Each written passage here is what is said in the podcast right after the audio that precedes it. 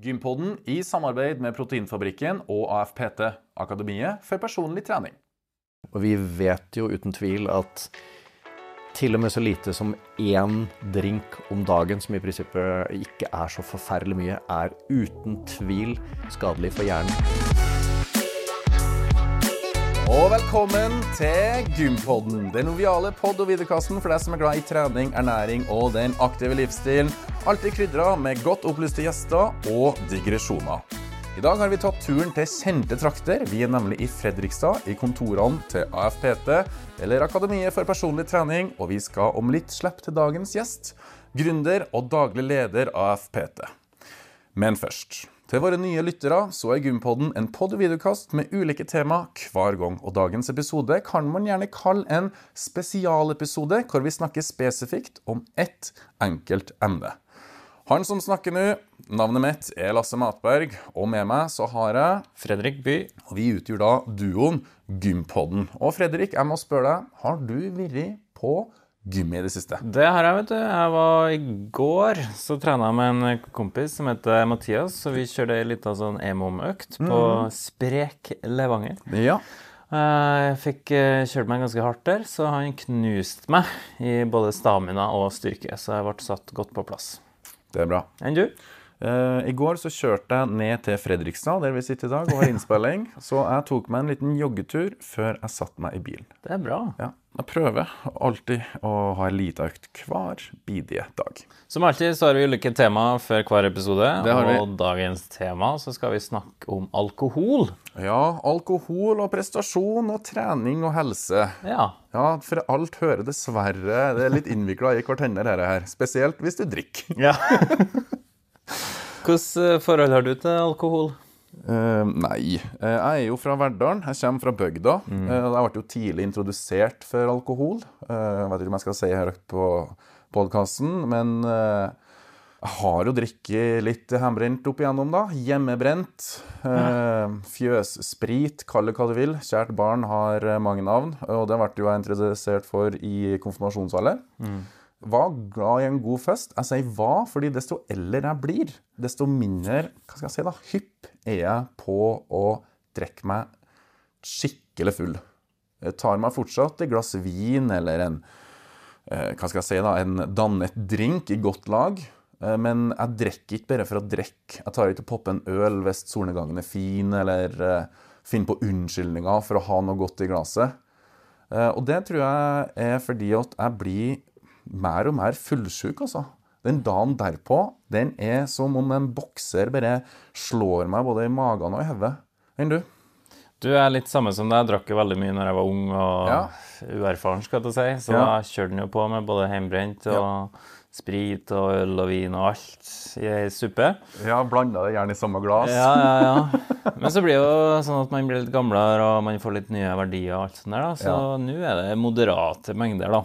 Men det skal sies at jeg aldri har vært en sånn type som popper en ølboks eller et glass vin når det er fin solnedgang, som du sa. Ja. Har Det bruker ikke jeg heller å gjøre, bare for å skjøte inn det. Men det har hendt seg at eh, ja, man finner eh, gode unnskyldninger for å faktisk bare ha noe godt i glasset, fordi at settinga er passelig. Ja, For meg har det aldri vært sånn. Jeg har aldri brydd meg om det, for jeg syns ikke det er så godt. Det er Nei. ikke så godt å drikke det, liksom. Så jeg har aldri brydd meg om de små et glass øl eller et glass vin. Da er det sånn Nei, da kan jeg heller ta meg en Da kan jeg ta meg litt Snåsavatn, eller Ja, ja. kanskje en, noe helt annet. Ja. Og det er egentlig bra, da, for jeg har jo erfart det etter å ha gjort litt research rundt alkohol og hva det gjør med hjernen og kroppen. At eh, et glass eller en boks, liten boks øl er Ja. nok til å ødelegge ganske mye både for søvn og prestasjon og kroppen i seg sjøl. Det er jo gift vi trykker i oss. Det er egentlig godt oppsummert. Det er det. Men vi må jo ha med oss en ekspert for å få landa alle her løse trådene med alkohol, og derfor så har vi jo tatt turen til AFPT sine lokaler, og hjertelig velkommen, Espen Arntzen. Tusen takk. Ja, og vi bruker å spørre har du vært på gym i det siste. Nå må vi spørre har du vært på fylla i det siste. Det har jeg ikke. Det er Bra.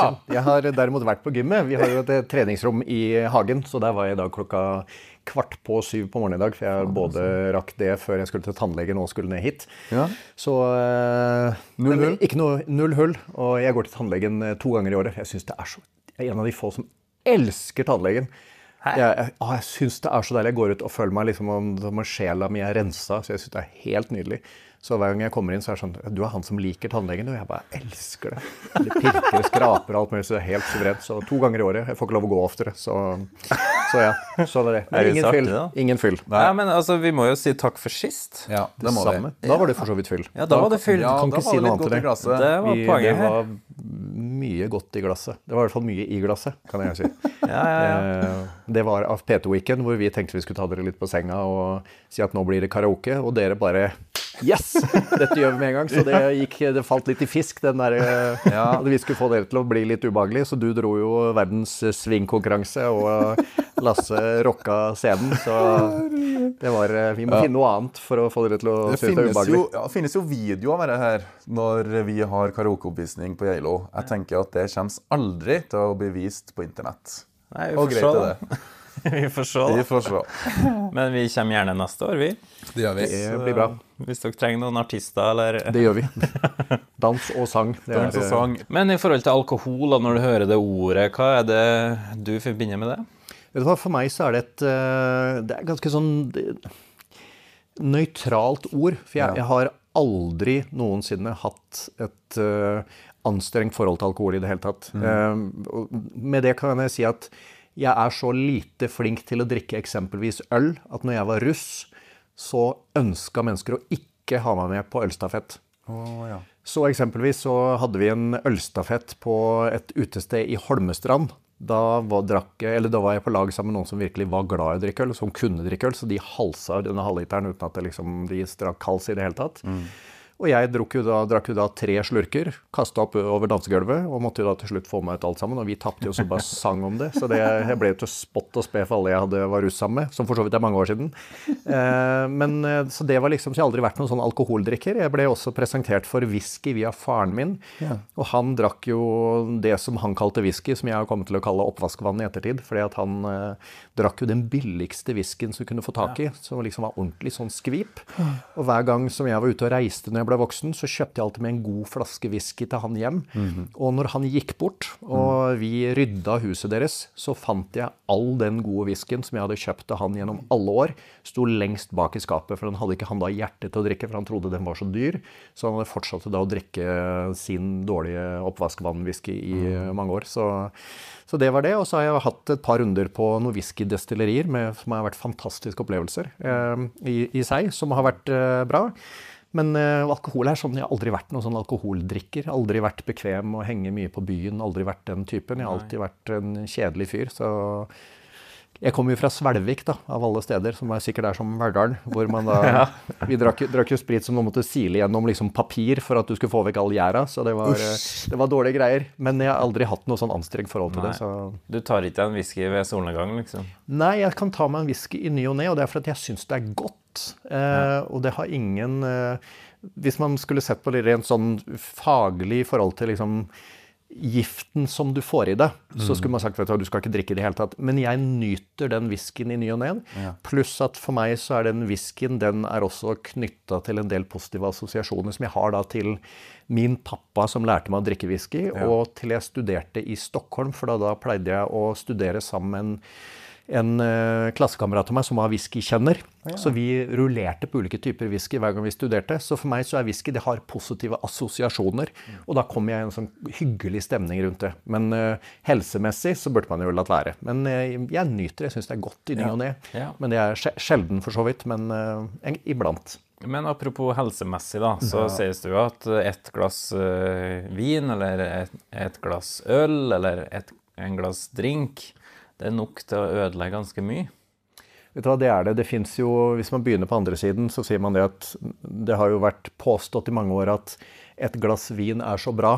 Eh, fordi at blant annet så har man jo knytta det opp til en, en eh, bestanddel som heter resveratrol. Som er det som skal være så veldig bra for veldig mange av disse antioksidantegenskapene. Skal gjøre at vi lever lenge osv. Eh, og så hører med til historien at i hvert glass med vin så er det 0,03 til 1,07 milligram med resveratrol.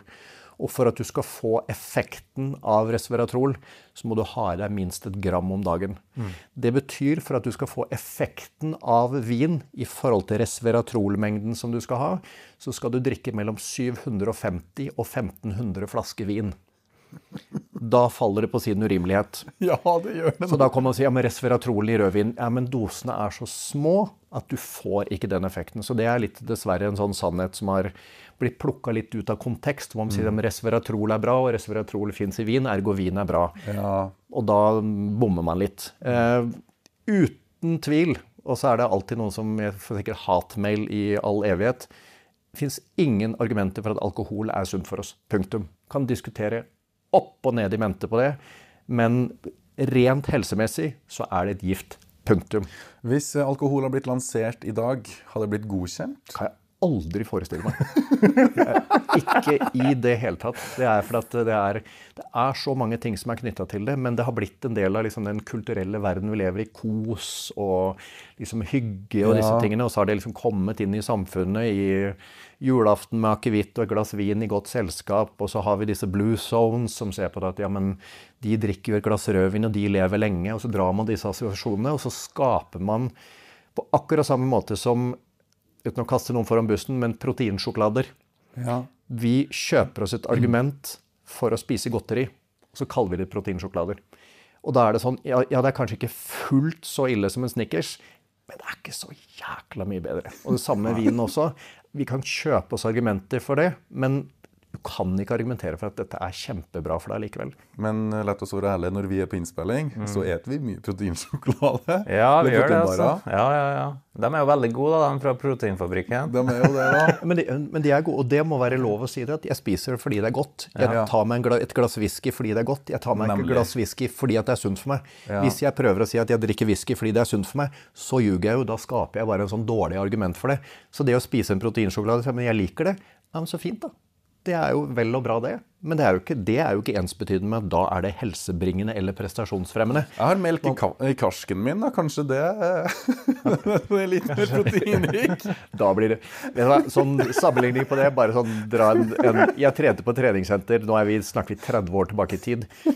Og det var jo den tiden som jeg var som mest opptatt av liksom, å, å trene, og alle var like gærne. Ja. Da blanda vi eh, Dere er kanskje for unge til å huske, men jeg vet ikke om dere husker Aminoliquid fra Twin Lab. Nei. En gul og svart flaske som var sånn, så ut som motorolje. Og smart, smakte surt og beskt og elendig. Vi blanda det med vodka. Nei. Fordi at vi måtte jo ha i oss proteinene. Så på julebordet så var det en halvparten vodka, halvparten med aminosyrer. Og så måtte du røre i det. For at den alkoholen ble jo liggende på toppen, så måtte du røre det og i prinsippet bare spi, nesten spiste det med skje. Men da var det viktig, for proteinene var viktig. Så Men eh, det ødela litt det her når jeg sier at jeg har ikke noe forhold til alkohol med sånne historier. Men Nei. Men en ting er jo at det er skadelig for kroppen og hjernen og alt det der. Men hvordan er det i forhold til prestasjon og trening, hvis du trener aktivt og den biten der? Det er jo en Alt er jo Som vi starter med det, så må man spole tilbake til det svaret som man alltid gir. Det er det kommer helt an på. For når man snakker er alkohol dårlig for prestasjon, så må man stille spørsmålet hvor mye alkohol drikker du, og hva slags type prestasjon er det vi snakker om. Og når drikker man? Hvis du tar deg en drink i ny og ne, så har det nok en ytterst liten påvirkning på alkohol, eh, nei, på prestasjonen. Men så har du også denne diskusjonen om folk sier at vet du hva, ja, du mister all effekten hvis du går på fylla i helgen. Og det kan jeg kanskje si at ja, vet du hva, det er nok nærmere sannheten. Og så har du samtidig da det at man påstår at vet du hva, hvis du drikker alkohol, så faller testosteronproduksjonen inn. Og det gjør den også. Hvis du drikker en viss mengde, så reduseres den i en viss periode etterpå. Men igjen så er det ikke så svart-hvitt. Jeg tenker jo at hvis man virkelig er ute etter å optimalisere sin prestasjon, så er alkohol en av de tingene som er sånn, det er et sånn no go.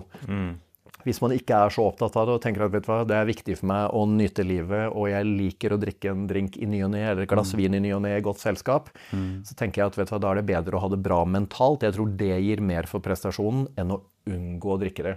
Så det, kom, det, kommer liksom an på dosene, når drikker du, hva slags type prestasjoner osv. Og, så og hvor, hvor opptatt er det. Det er, ikke, det er ikke så svart-hvitt som folk skal ha det til. Det er det som er så det er der det blir alle disse stillingskrigene, på lik linje som vi får vegetarianere på ene siden, og så får du carnivores på andre siden. Mm. Og så sier man vet du hva, men et eller annet sted i midten her ligger jo sannsynligvis svaret. Det er ikke svart eller hvitt, og den ene har ikke rett, og den andre har ikke feil. Det er, kommer litt sånn an på en del ulike forutsetninger. Og vi vet jo det i forhold til kosthold, så vet vi også at en diett som fungerer optimalt for meg, mm. behøver jo ikke fungere optimalt for dere. For mm. vi er ulike, og vi må ta hensyn til det også. Så svaret blir det kommer helt an på. Mm. Når vi drikker eller konsumerer alkohol, hva er det som skjer i kroppen? Hva er det den gifta begynner å gjøre? Kroppen er jo fryktelig smart, og med tanke på at du sier nøkkelordet her, gift, så har jo kroppen fantastiske egenskaper til å forsøke å kvitte seg med disse giftstoffene. Ja.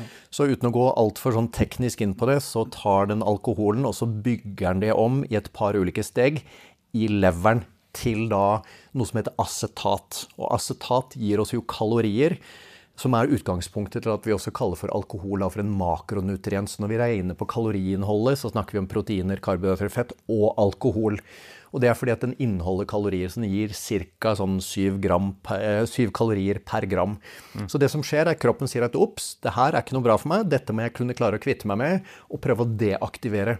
Og så bygger den om dette her i leveren, som gjør da at vi faktisk kan bruke dette acetatet som en kalorikilde. Men det er bare det. Det er bare en kalorikilde. Og det er i prinsippet helt blotta for næring. Det er bare energi som vi kan bruke. Og da er det jo mange som sier ja, men sukker er også tomme kalorier. Men sukker kommer jo med en del andre ting også. Alkohol er i prinsippet helt tomt for næring og gjør egentlig ikke noe godt for oss i det hele tatt. Og dette er også en av årsakene til at når vi da drikker alkohol, så er det ofte leveren som får fryktelig mye juling med det vi kjenner som leversirose og den type problematikk knytta til da høyt alkoholinntak. Så er det jo leveren som er liksom hovedsetet for å forsøke å deaktivere dette. Og i den prosessen så sier kroppen at vet du hva, det som er viktig for meg nå, det er at jeg håndterer den alkoholen. Da la, venter jeg med alt annet. Og der har vi bl.a. bakgrunnen til at kroppen sier at vet du hva, fettforbrenning, det får bare vente. Fordi at i den perioden jeg nå er inne i, når jeg har alkohol i kroppen, så er det viktigere for meg å kvitte meg med det enn å forbrenne fettet.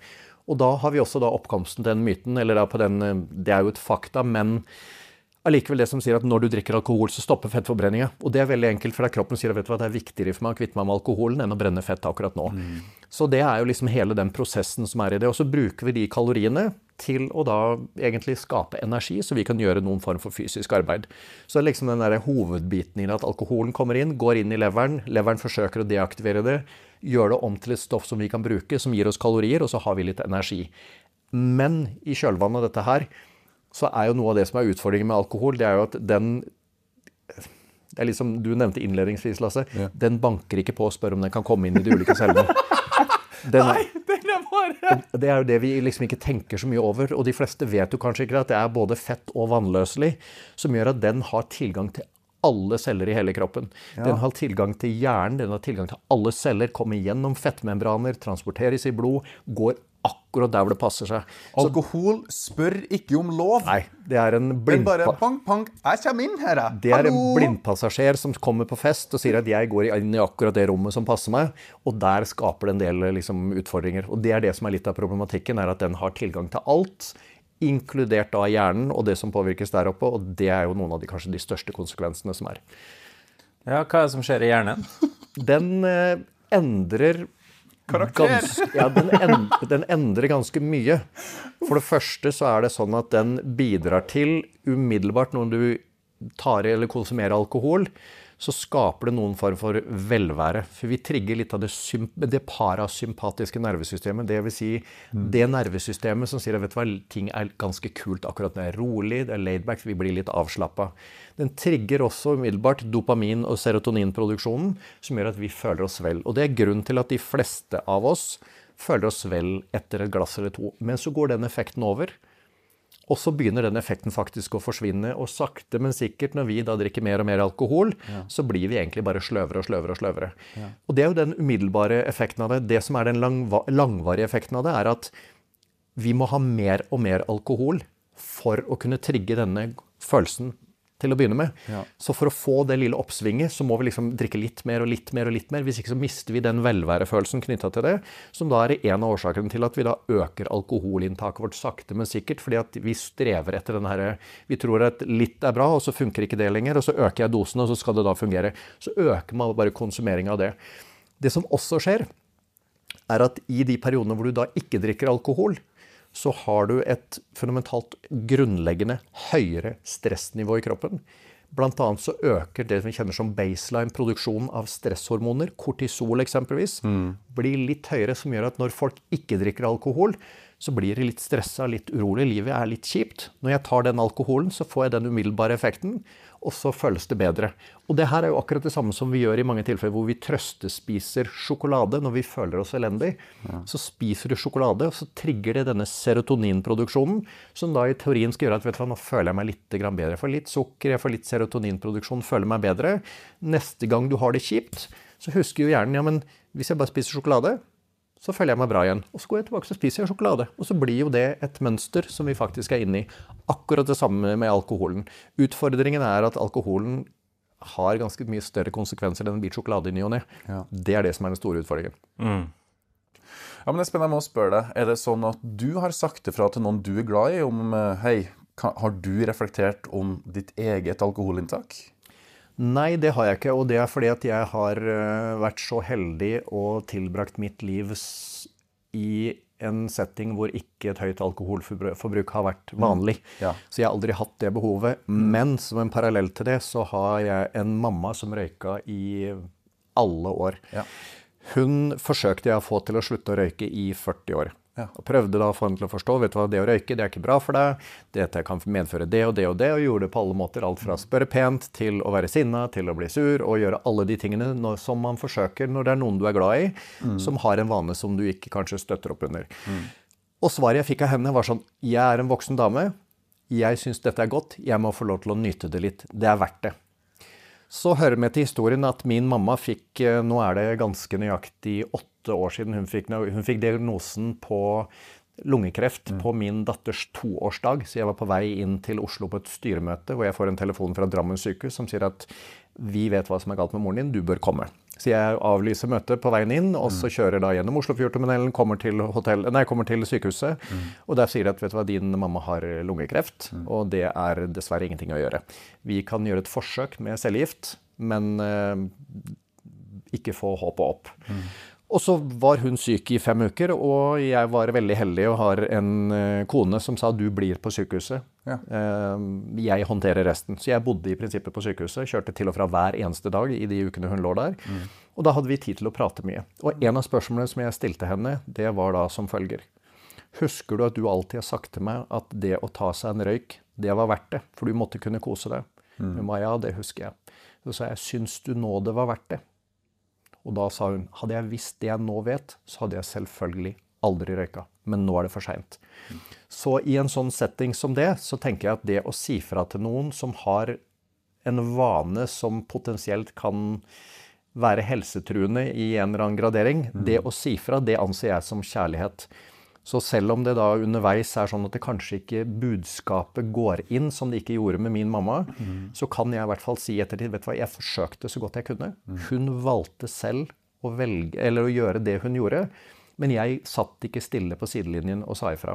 Og det tenker jeg er en av de få tingene vi kan gjøre. Vi kan aldri tvinge en person til å ta noen valg, men vi kan komme med våre perspektiver. Og så lenge vi gjør det med kjærlighet i bånd, Ja, så tror jeg det er en åpenhet for å ta det imot. Selv om kanskje da vanen ikke endres. Og jeg må jo si det at hadde jeg hatt noen i min familie som i dag hadde hatt et for høyt alkoholforbruk, og jeg hadde sagt vet du hva, her går det litt over stokk og stein, så hadde jeg uten tvil sagt ifra. Eh, nettopp av den anledning at jeg skal ikke være den som ikke sa ifra, for jeg syns det var ubehagelig. Det er mer ubehagelig å bli syk og dø enn det er å si fra. Ja, hver dag i vekka. Ja. Så det kan jo gå ut til alle våre lyttere og seere, da. Og hvis det er fortsatt litt vanskelig å være konkret og direkte, så spill av denne episoden her for deg. Så enkel, det- så det er jo, kan man Men det er jo vanskelig. Det er jo det å være ærlig med noen har dessverre blitt vanskeligere og vanskeligere for mennesker, for vi er så redd for hva andre mennesker skal synes om det vi sier. Derfor tror jeg det er så viktig, som du sier, ærlighet med kjærlighet. Og det, det Så lenge det ligger en god intensjon bak, så tror jeg de aller fleste mennesker er åpne for alle mulige tilbakemeldinger Ja. som kommer. Men det må gis med kjærlighet. Og nå var det aldri noe tvil om, fra min mammas side om at jeg bare ville henne vel. Men det er klart at budskapet gikk fortsatt ikke inn. Men hun var aldri sur for at jeg sa fra. Hun sa vet du hva, jeg er en voksen dame, jeg tar mine egne valg. Og det var det. Ja. Dessverre så er det sånn, røyker man i dag, så kan de fleste mennesker si fra til noen og si det der er ikke bra for deg. Men alkohol har fått en sånn litt sånn fripass Ja. på veien. Fordi det har blitt en sånn, ja, men det er en hyggelig greie, alle må få lov til å ta seg et glass vin, alle må få lov til å gjøre det og det. Jeg våger å påstå at vi er ikke så veldig langt unna røyking når det gjelder disse effektene på dette totalt sett. Og da er det sånn, skal vi gi fripass til noe som vi vet er så gærent, fordi at vi ikke våger å si fra? Og da tenker jeg at vet du hva, jeg vil heller si fra at vet du hva, det her er ikke bra for deg. Du tar selvfølgelig dine egne valg, men vær klar over følgende. Og det, det mener jeg er en, en menneskerett man bør ha, under forutsetning av at man sier det på en respektfull måte, selvfølgelig. En ting er jo alkohol, men en annen ting er jo det med overvekt, Ja, som også er kanskje akkurat litt eh, ømt og vanskelig tema. Men det jo, har, har du sagt ifra til noen der? Ja, det har jeg. Eh, og jeg hadde en veldig god venn av meg som eh, for mange år tilbake kontaktet meg, hadde vært hos eh, legen og kom tilbake og hadde, sendte meg sine blodprøver. Nå er jeg ganske nerd på blodprøver, jeg syns sånt er ganske stas. Eh, så han sendte meg sine blodprøver med blodtrykk og alt det som han hadde tatt, og han hadde da et blodtrykk på 180 over 110. Eh, som i prinsippet da er fryktelig høyt. Og så kom han og sa du, kan du lage et kostholdsprogram? Så sa jeg ja, det, det kan jeg gjøre. Og så er dette en person som jeg var veldig glad i, så jeg, så jeg lagde et kostholdsprogram eh, for n-te gang, for så vidt. Sendte det til han, så ringer han meg tilbake og sier men eh, kan jeg spise litt av det, og kan jeg spise litt av det, og kan jeg spise litt av det? Så jeg, men kjære deg. Og da rant det litt over for meg, så jeg var kanskje ikke det mest diplomatiske der og da, men igjen, det var ærlighet med kjærlighet. Eh, så sa jeg at vet du hva, din tjukke, og det her ordrett, din tjukke jævel. Du er en av mine aller beste venner. Du forsøker nå å skape en unnskyldning for at du kan putte dritt i din kropp, som vi begge nå vet at du ikke trenger. Så hva gir deg retten til å forsøke å skape en unnskyldning for å spise masse drittmat og sette meg i en situasjon hvor jeg kommer til å miste en av mine beste venner? Og så la jeg på. Ringte den opp igjen? Og jeg var så, jeg var så sinna. Jeg bare flate heller. Og du sitter med blodprøven og sier vet du hva, her kan det smelle når som helst.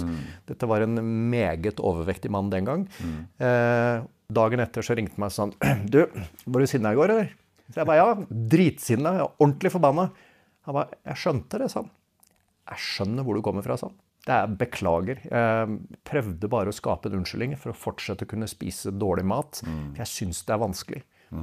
Og det syns jeg er helt fair. Det han avslutta samtalen med, som jeg tok med meg der, han sa tusen takk for at du tør å si fra. Ja. Og da var jeg sånn, jeg bare, for jeg, til og med jeg satt jo med følelsen etterpå at vet du hva, Du mista du en venn, kanskje? nå gikk du for langt, unge herr Arntzen. Men jeg tenkte at faen, det er så mye kjærlighet. Jeg vil jo ikke at han skulle bli borte. Det var jo kjempeviktig at dette var en person som jeg har hatt i livet i veldig mange år. Tenk meg han i 50 år til. Så skal jeg sitte her og si ja, det er ok at du spiser sjokolade. Det er jo ikke det. Se på blodprøvene dine. Det er helt katastrofe som det var. Og han da tok noen store grep og gjorde kjempestore endringer på det. Men det var et sånt eksempel på at ok, jeg tråkka nok litt over streken når det gjelder liksom hvordan jeg kommuniserte. Men jeg kjente denne personen veldig godt. Han visste hvor jeg kom fra. Han visste at det var ærlighet med kjærlighet i dette tilfellet. Og han gjorde endringene. Og han forsto etterpå at dette var gjort fordi jeg brydde meg. Ikke for at jeg bare skulle være vanskelig og vite så mye bedre enn hva han gjorde. Og det er jo litt av det som kanskje er det vanskelige. Så skal jeg være førstemann til å si at jeg kunne ordlagt meg på en helt annen måte. Og jeg ville jo aldri sagt noe sånt til en annen person i dag. Men jeg hadde jo troligvis fortsatt sagt ifra. Et eksempel. Nå hiver jeg min elskede svigermor foran bussen. Eh, men vi kom ut på en eh, grillfest som de skulle ha. Det her var samme dag, en veldig dårlig dag for så vidt, samme dag som jeg hadde rydda huset til min pappa etter at han gikk bort. Nemlig. Eh, og var på vei da fra Svelvik ut til de for å grille. Da skulle hele familien samles der ute. Lang historie kort, så mm, er jeg relativt flink til å håndtere ganske tøffe situasjoner, men akkurat den dagen der så måtte jeg stoppe på motorveien, for da ja, tippa det over for meg, så jeg måtte stoppe på motorveien, sette på nødblinken, gå ut på jordet og hylgrein. For da var det liksom, det gikk det opp for meg. vet du hva, Nå var begge foreldrene mine borte, nå var det tøft. Så forutsetningene for liksom den samtalen som kommer, den var jo ikke så veldig bra. Men da kommer vi ut dit, og så eh, griller de, og vi griller jo pølser og drikker et glass vin eller to eller tre eller fire. Og så sitter min svigermor og sier det. Nå har jeg et kjempegodt forhold til henne. Hun er en av de, mine favorittpersoner på jorda. Derfor er jeg ikke noe redd for å si det her. Så sier hun at er litt vanskelig for meg å gå ned i vekt, for vi i vår familie vi har litt tjukk beinbygning. Og da satt jeg rett overfor henne, og så husker jeg jeg sa som følger Og du mener det ikke har noe med de fire glassene med vin og de tre grillpølsene du har spist? Du mener det er tung beinbygning? Og hun ble helt sånn, og det ble helt stille rundt bordet. Og hun ble helt sånn stiv. Hun bare har sikkert litt med det å gjøre også. Bare, ja. Men det er akkurat det samme. Det handler jo litt om liksom hvordan man kommuniserer det. Og jeg tror i sånne tilfeller at eh, så lenge man legger det fram på en god måte, og de vet at det kommer fra et godt sted, så kommer du unna med ganske mye. Og jeg ville jo satt kjempepris på hvis noen hadde kommet til meg og sagt Espen, det her er en skikkelig dårlig vane. Jeg er ikke sikker jeg hadde likt den tilbakemeldingen, men jeg hadde allikevel satt pris på at jeg hadde visst at den personen gidder faktisk å bry seg. Så når jeg da hadde landa fra denne kanskje lille frustrasjonen over at noen sier at jeg gjør noe gærent, så hadde det kanskje vært sånn, vet du hva Han eller hun sier noe tross alt ifra. Det betyr at de er engasjert nok og bryr seg nok til å gidde å bruke tida på å si fra. Og ta det ubehaget som de vet jeg føler. Som konsekvensen kan jo være at jeg blir kjempesur og ordentlig vanskelig å ha med å gjøre. Men de våger fortsatt å ta det. Det ville jeg respektert. Selv om jeg aldri hadde likt beskjeden, selvfølgelig, for vi tror jo alle at vi er liksom feilfrie oppi alt. Men uh, jeg tenker at det er en god ting. da. Og jeg syns jo vi har Jeg syns jo dessverre vi har altfor lite av det i dag. Vi våger ikke å si de tingene som vi behøver å høre. Og i mitt hode så er gode venner det er de menneskene som forteller det du trenger å høre, ikke det du har lyst til å høre. Det er en stor, stor forskjell. Så mennesker som sier, vet du hva, dette er hva jeg mener, her tråkker du feil, det respekterer jeg. Det er gode venner i min verden. Mennesker som forteller meg det jeg har lyst til å høre. Da kan jeg bare høre på mine egne tanker, for jeg forteller meg selv hva jeg har lyst til å høre. Men jeg trenger gode venner som faktisk korrigerer meg på veien. Og der har vi alle noen sånne innspill vi kan få på, på veien. Og det tenker jeg dere som er såpass gode venner også. Dere har vel også noen innimellom som sier du, nå tråkker du litt skeivt. Og det syns jeg er en fair Det er en, det er en respektfull kommunikasjon, fordi at da vet man at du vil den andre personen vel, og så lenge de forstår det også, så kommer det noe bedre ut av det. Altså, Man er kanskje litt redd for å konfrontere andre. og sånn. Jeg Lasse er veldig flink til å kommunisere og har en sånn feedback-kultur. Eh, så jeg føler at vi tåler det meste, da. Og vi har jo vært gjennom mye forskjellig, vi også. Ja, det har vi. Det har vi. Så Jeg, hadde en, eh, jeg har fått den tilbakemeldingen en gang av en eh, veldig god venn av meg. Mm. Øyvind Hammer, som jobber som mentalcoach for Ole Einar Bjørndalen. Vi delte kontor. Vi hadde kontor sammen i Oslo for mange år tilbake. Og ene gangen så kom han til meg og sa Espen, du og jeg må ha en prat. Jeg ba ja. Ok, hva, hva vil du? Liksom, han ba Nå er du helt grusom å være i nærheten av, sa han. Jeg syns ikke det er ålreit å være i nærheten av deg i det hele tatt. Du er bare sur og negativ. Og jeg, ble, husker følelsen jeg hadde. Jeg bare Ja, men livet mitt er jo sånn, sånn eller sånn, så jeg har en grunn til det. Han bare Men husk på at jeg sitter på utsiden, og jeg har ikke gjort noe gærent. Nemlig. Hvis du vil at jeg skal tilbringe tid sammen med deg, så må du bli litt hyggeligere. Og det var kjempeubehagelig. Men etter at jeg liksom landa fra den der liksom ordentlige kalddusjen, så må jeg si at faderen, det respekterer jeg så mye. Jeg bare, vet du hva, du har jo helt rett Jeg forstår jo at jeg akkurat i den perioden der var en dust, og at han sier fra. Men de fleste mennesker ville bare sagt vi lar han bare være i fred. Men han hadde baller nok til å si, vet du hva, pokker heller. Og jeg lå også på sykehuset for en del år tilbake, tilbake i 2009. Da fikk jeg en beskjed av eh, kirurgen som hadde operert ryggen min, og sa at vet du hva, Arntzen, livet som du kjenner deg, er over. Eh, og jeg fikk beskjed om at jeg kom, måtte bytte yrke. Jeg måtte gjøre, liksom, kunne ikke jobbe som jeg gjorde. Styrketrening kom jeg aldri til å kunne drive med. Og jeg syns ordentlig synd på meg sjøl. Og syns livet var skikkelig kjipt.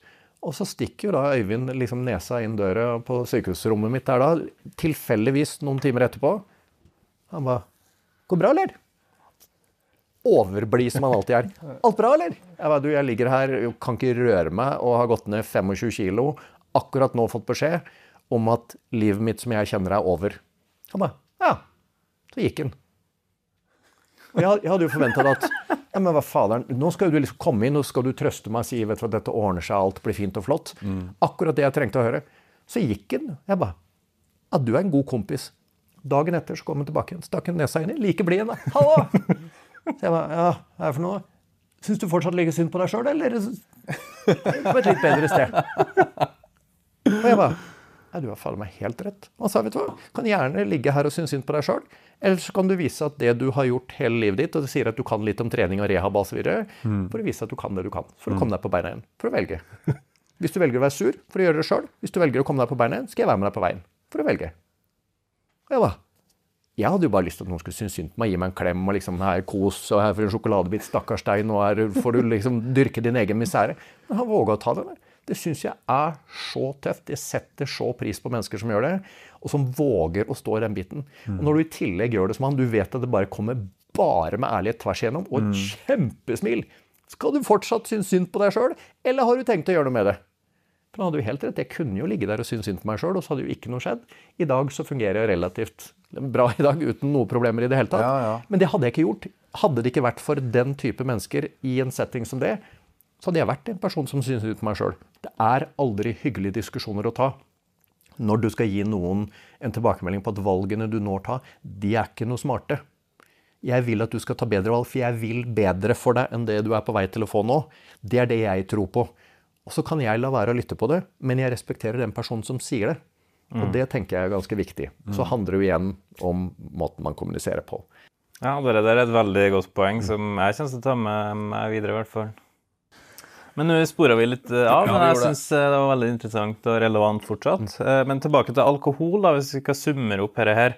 La oss si at vi skal summere opp for dem som bare trener tre- to-tre ganger i uka. Hvor viktig er det å forholde seg til alkohol? Vet du hva, Det er viktig å ha et bevisst forhold til det. Det tror jeg vi må, det må vi si til alle mennesker. Og uavhengig om du trener eh, hver dag for å bli verdensmester, eller om du trener to-tre ganger i uka, så er alkohol det er et gift. Punktum. Eh, og så vil konsekvensen av den giften stå i perspektiv til hvor mye du drikker, selvfølgelig, og hva du har som målsetting med det du gjør til vanlig. Men at det er helsebringende i seg selv, det er det ikke. Så skal man samtidig ta med seg at det å drikke alkohol gjør mange ofte i sosiale settinger. Ser vi på noen av de studiene som er gjort på helse, velvære, lykkefølelsen, så fins det noe som heter Adult Development Study, som er det lengstgående studiet på lykke som er gjort noensinne. Der drar de én sånn parallell til lykkefølelsen gjennom et liv og én faktor. Den faktoren, det er sosiale relasjoner når du er 50. Det vil si, dine sosiale relasjoner er avgjørende. Det er det mest lykkebringende som vi kjenner til i dag. Så kan det være at den sosiale relasjonen den blir kanskje litt hyggeligere og enda bedre ved at de sosiale sammenhengene, der er det et glass vin inkludert også. Men det å si at det er alkoholen aleine som er helsebringende, basert på disse 750-1500 flaskene med vin vi må drikke for å få disse helseeffektene, så skjønner jo alle at det blir et, sånn, det blir et lite argument som er jeg prøver å finne et sånn lite halmstrå for å kunne drikke. Ja. Og det tror jeg ikke man skal søke etter. Men om det som sagt gjøres i en sosial setting, så kan det være den sosiale settingen som blir kanskje enda bedre, for alle koser seg litt mer knytta til dette. Men alkoholens effekt den er fortsatt negativ. Så det er liksom utgangspunktet på det. Og så er jeg fryktelig fan av at så lenge du ikke plager andre, så er vi heldige, spesielt i Norge, at vi kan gjøre mer eller mindre det vi vil. Så om du velger å nyte et glass vin på en fredag kveld, og det gjør at du føler deg bra, og du nyter og syns det er godt, bra for deg. Men du skal samtidig være klar over at alkoholen i seg selv det er fortsatt en negativ faktor. Så kan det være da, på lik linje som vi vet i forhold til eh, levealder, så er det jo gjort studier på rotter helt tilbake til 1935, så ser at hvis du begrenser mengden kalorier som rotter får, så lever de lengre. Så kalorirestriksjon har blitt da et verktøy for å leve lenger. Så det betyr at hvis du ønsker å leve lenger, så er et av de viktigste verktøyene det er å drive med kalorirestriksjon. Det skaper da autofagi, reparasjonsprosessene skrus på osv. Så, videre. så hvis du bare ser på levealderen, kjempefint. Men hva om den levealderen, la oss si du får fem år ekstra, da, men du går rundt og er sulten og sur og grinte i alle åra?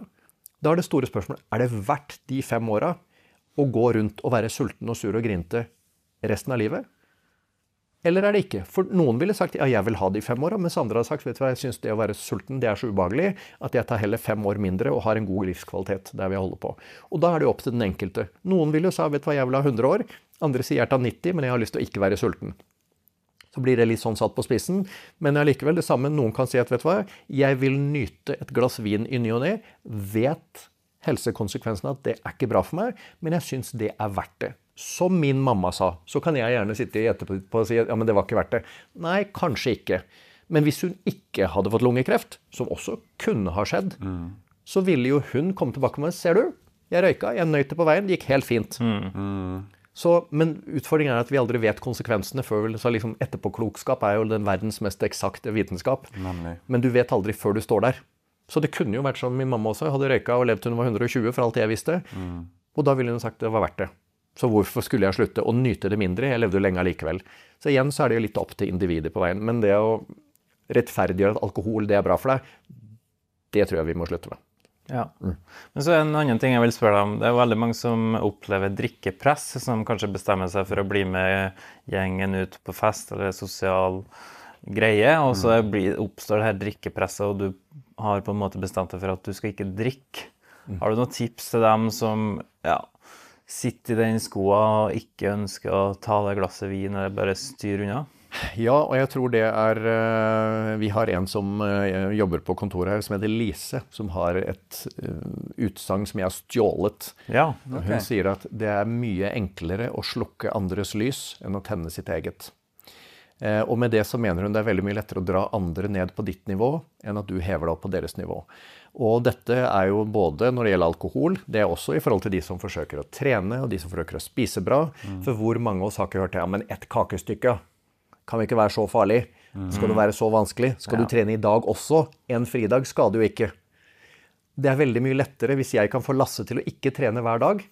Så er det ok at ikke jeg trener hver dag, for Lasse er akkurat like dårlig som meg. så vi er på samme nivå. Men hvis Lasse trener hver eneste dag, og jeg ikke får det til, så føler jeg meg dårligere. Ja. Da er det mye lettere å få han til å slutte å trene, for jeg har ikke lyst til å trene en dag til. Jeg, jeg har lyst til å ha en fridag. Mm. Men jeg må få han til å roe seg ned, hvis ikke så ser jeg dårlig ut.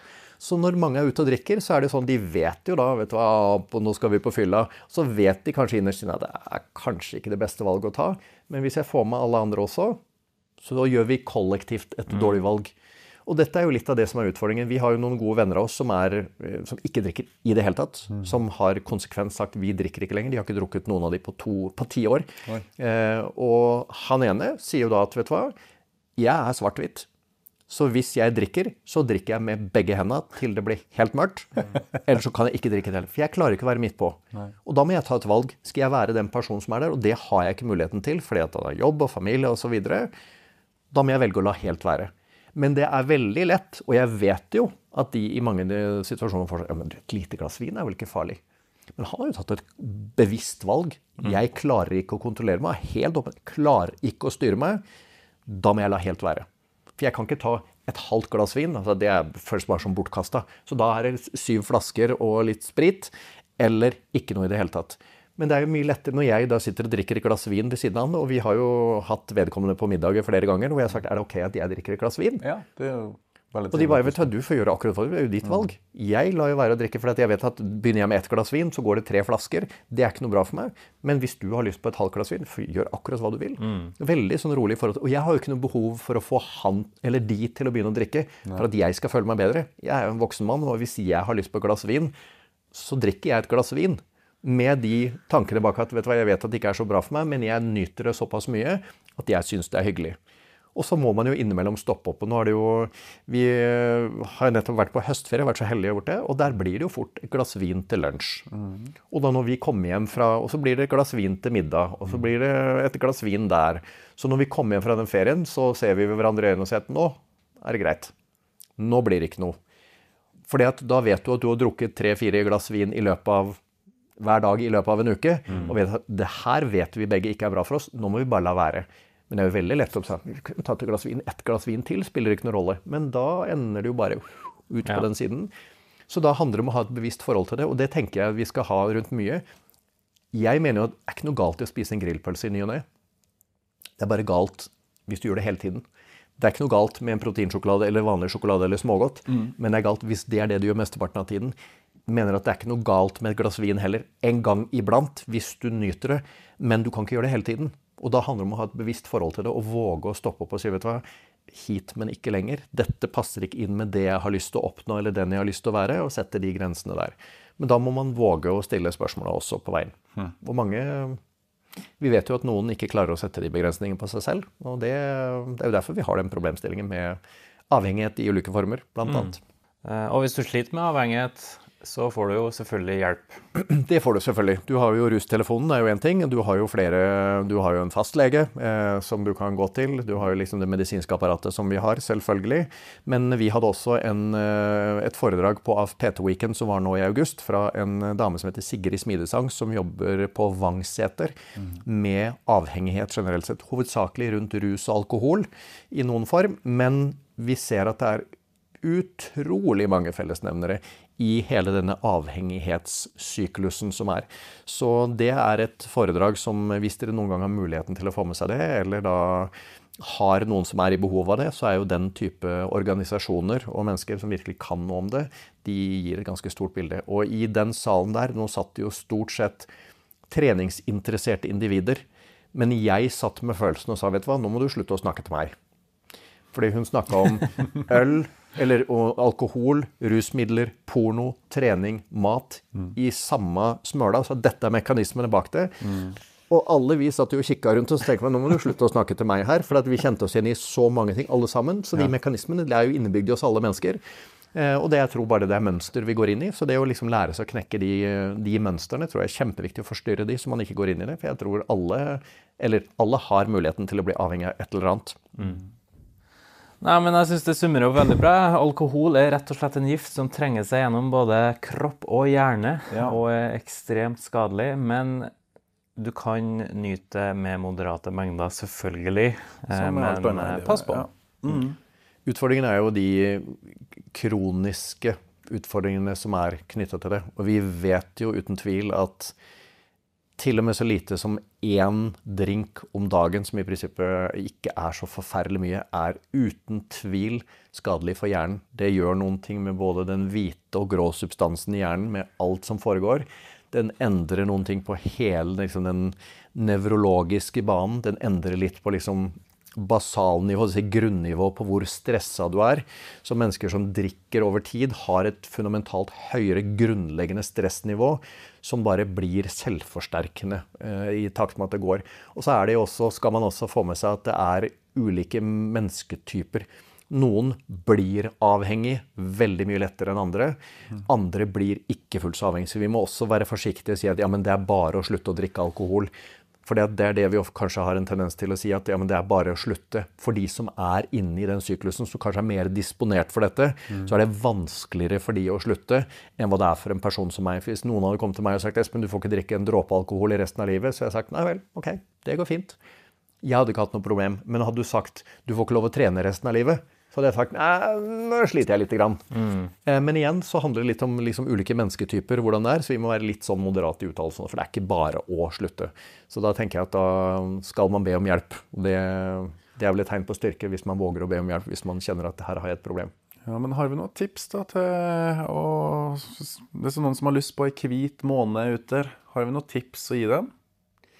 Det fins jo noen av disse store um, podcasterne i verden. Joe Rogan eksempelvis. Mm. De har jo Sober October. eh, og da er det sånn, det er en hvit måned i oktober. Det er liksom en sånn trend som er i, i USA i noen av disse her, hvor de ja. trener og spiser sunt og ikke drikker en dråpe alkohol. Mm. Eh, da blir jo ganske ekstrem, for da blir det en periode hvor du blir helt sånn anti, og så får du en annen periode hvor det kanskje er litt desto mer. Ja. Men jeg tenker det å ha å sette seg ned og gjøre en evaluering av hvordan er mitt forhold til ulike elementer. Alkohol, trening, mat. Og våge å være ærlig. Du trenger ikke å fortelle det til noen engang, men å sette seg ned og tenke at vet du hva, hva mener jeg egentlig? Hva syns jeg? Det tror jeg er kjempeviktig. Og det var vel Aristoteles som sa det 'know thyself', dvs. Si, kjenn deg selv. Og det å våge å se seg i speilet og si, vet du hva, hvem er jeg egentlig? Hva står jeg for? Hva mener jeg? Hvilke verdier har jeg? Det er veldig ofte en ganske kraftig sånn øyeåpner, for det er den tøffeste reisa vi ofte gjør. Den går ofte innover. Eh, jeg gjorde et eh, Ikke for at dette skal, trenger å gjøres av andre, men jeg satte meg ned for en stund tilbake, og det her var når man begynte å diskutere politikk på det meste. Så er det veldig lett å mene og synes et eller annet mm. på ulike områder. Eh, Og så tenkte jeg, vet du hva, hvis jeg nå bruker litt tid, og så åpner jeg et Word-dokument, og så skal jeg skrive hva jeg syns om ulike elementer.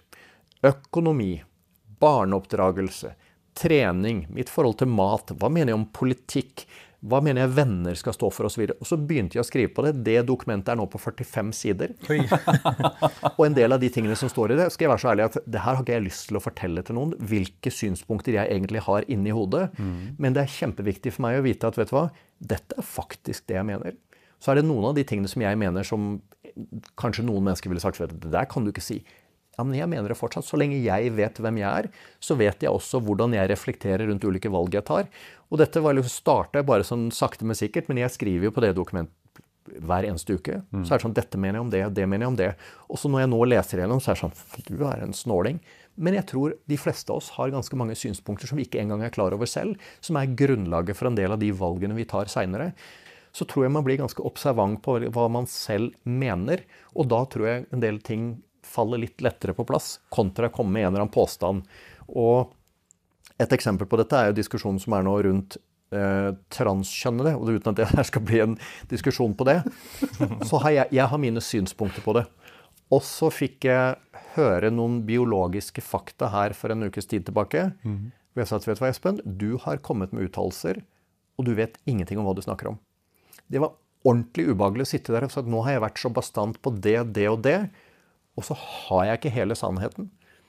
Og da måtte jeg si at men vet du hva, nå må du slutte å mene noe før du faktisk har satt deg inn i dette. Men før du graver litt i hva du mener, og litt fakta, så kommer man ofte med litt sånn Man skyter litt sånn fra hofta. Og så er det i veldig mange tilfeller hvor man kommer med en eller annen påstand som viser seg å være feil, fordi du har ikke satt deg godt nok inn i det. Og det kan være trening, kosthold, transseksuelle, eh, homofile, økonomi, politikk Det kan være hva som helst. Ja, men jeg mener dette. Ja, men hvorfor det? Og Det tror jeg er så innmari viktig. Det er ubehagelig å finne ut vet du hva, nå har du vært en skikkelig dust, for her vet du ikke hva du snakker om. Det er ganske ubehagelig, men det er samtidig ganske øyeåpnende. Fordi at man begynner da plutselig å se på seg selv med litt andre øyne. Og det tenker jeg i forhold til denne type diskusjoner med alkohol. Hva syns du om? Hvilke forhold har du til det? Er du klar over at dette er et problem, eller har du ikke et problem? Hvorfor drikker du alkohol? Hva er bakgrunnen til det? Det, jeg tror det, er, det er ganske viktige ting å ta med seg. Jeg tror det å kjenne seg selv gjør at man løser noen av disse utfordringene på en litt annen måte. Og med det så er det bare å takke for en god prat nok en gang. Eh, Fredrik? Ja, tusen takk for en god og informativ episode om alkohol og litt andre ting. Ja. Vi tar med oss det òg. Ja. Takk for oss til deg, kjære lyttere og kjære seere. Vi kommer med nytt innhold hver torsdag. På gjensyn og gjenhør neste episode av Gympodden.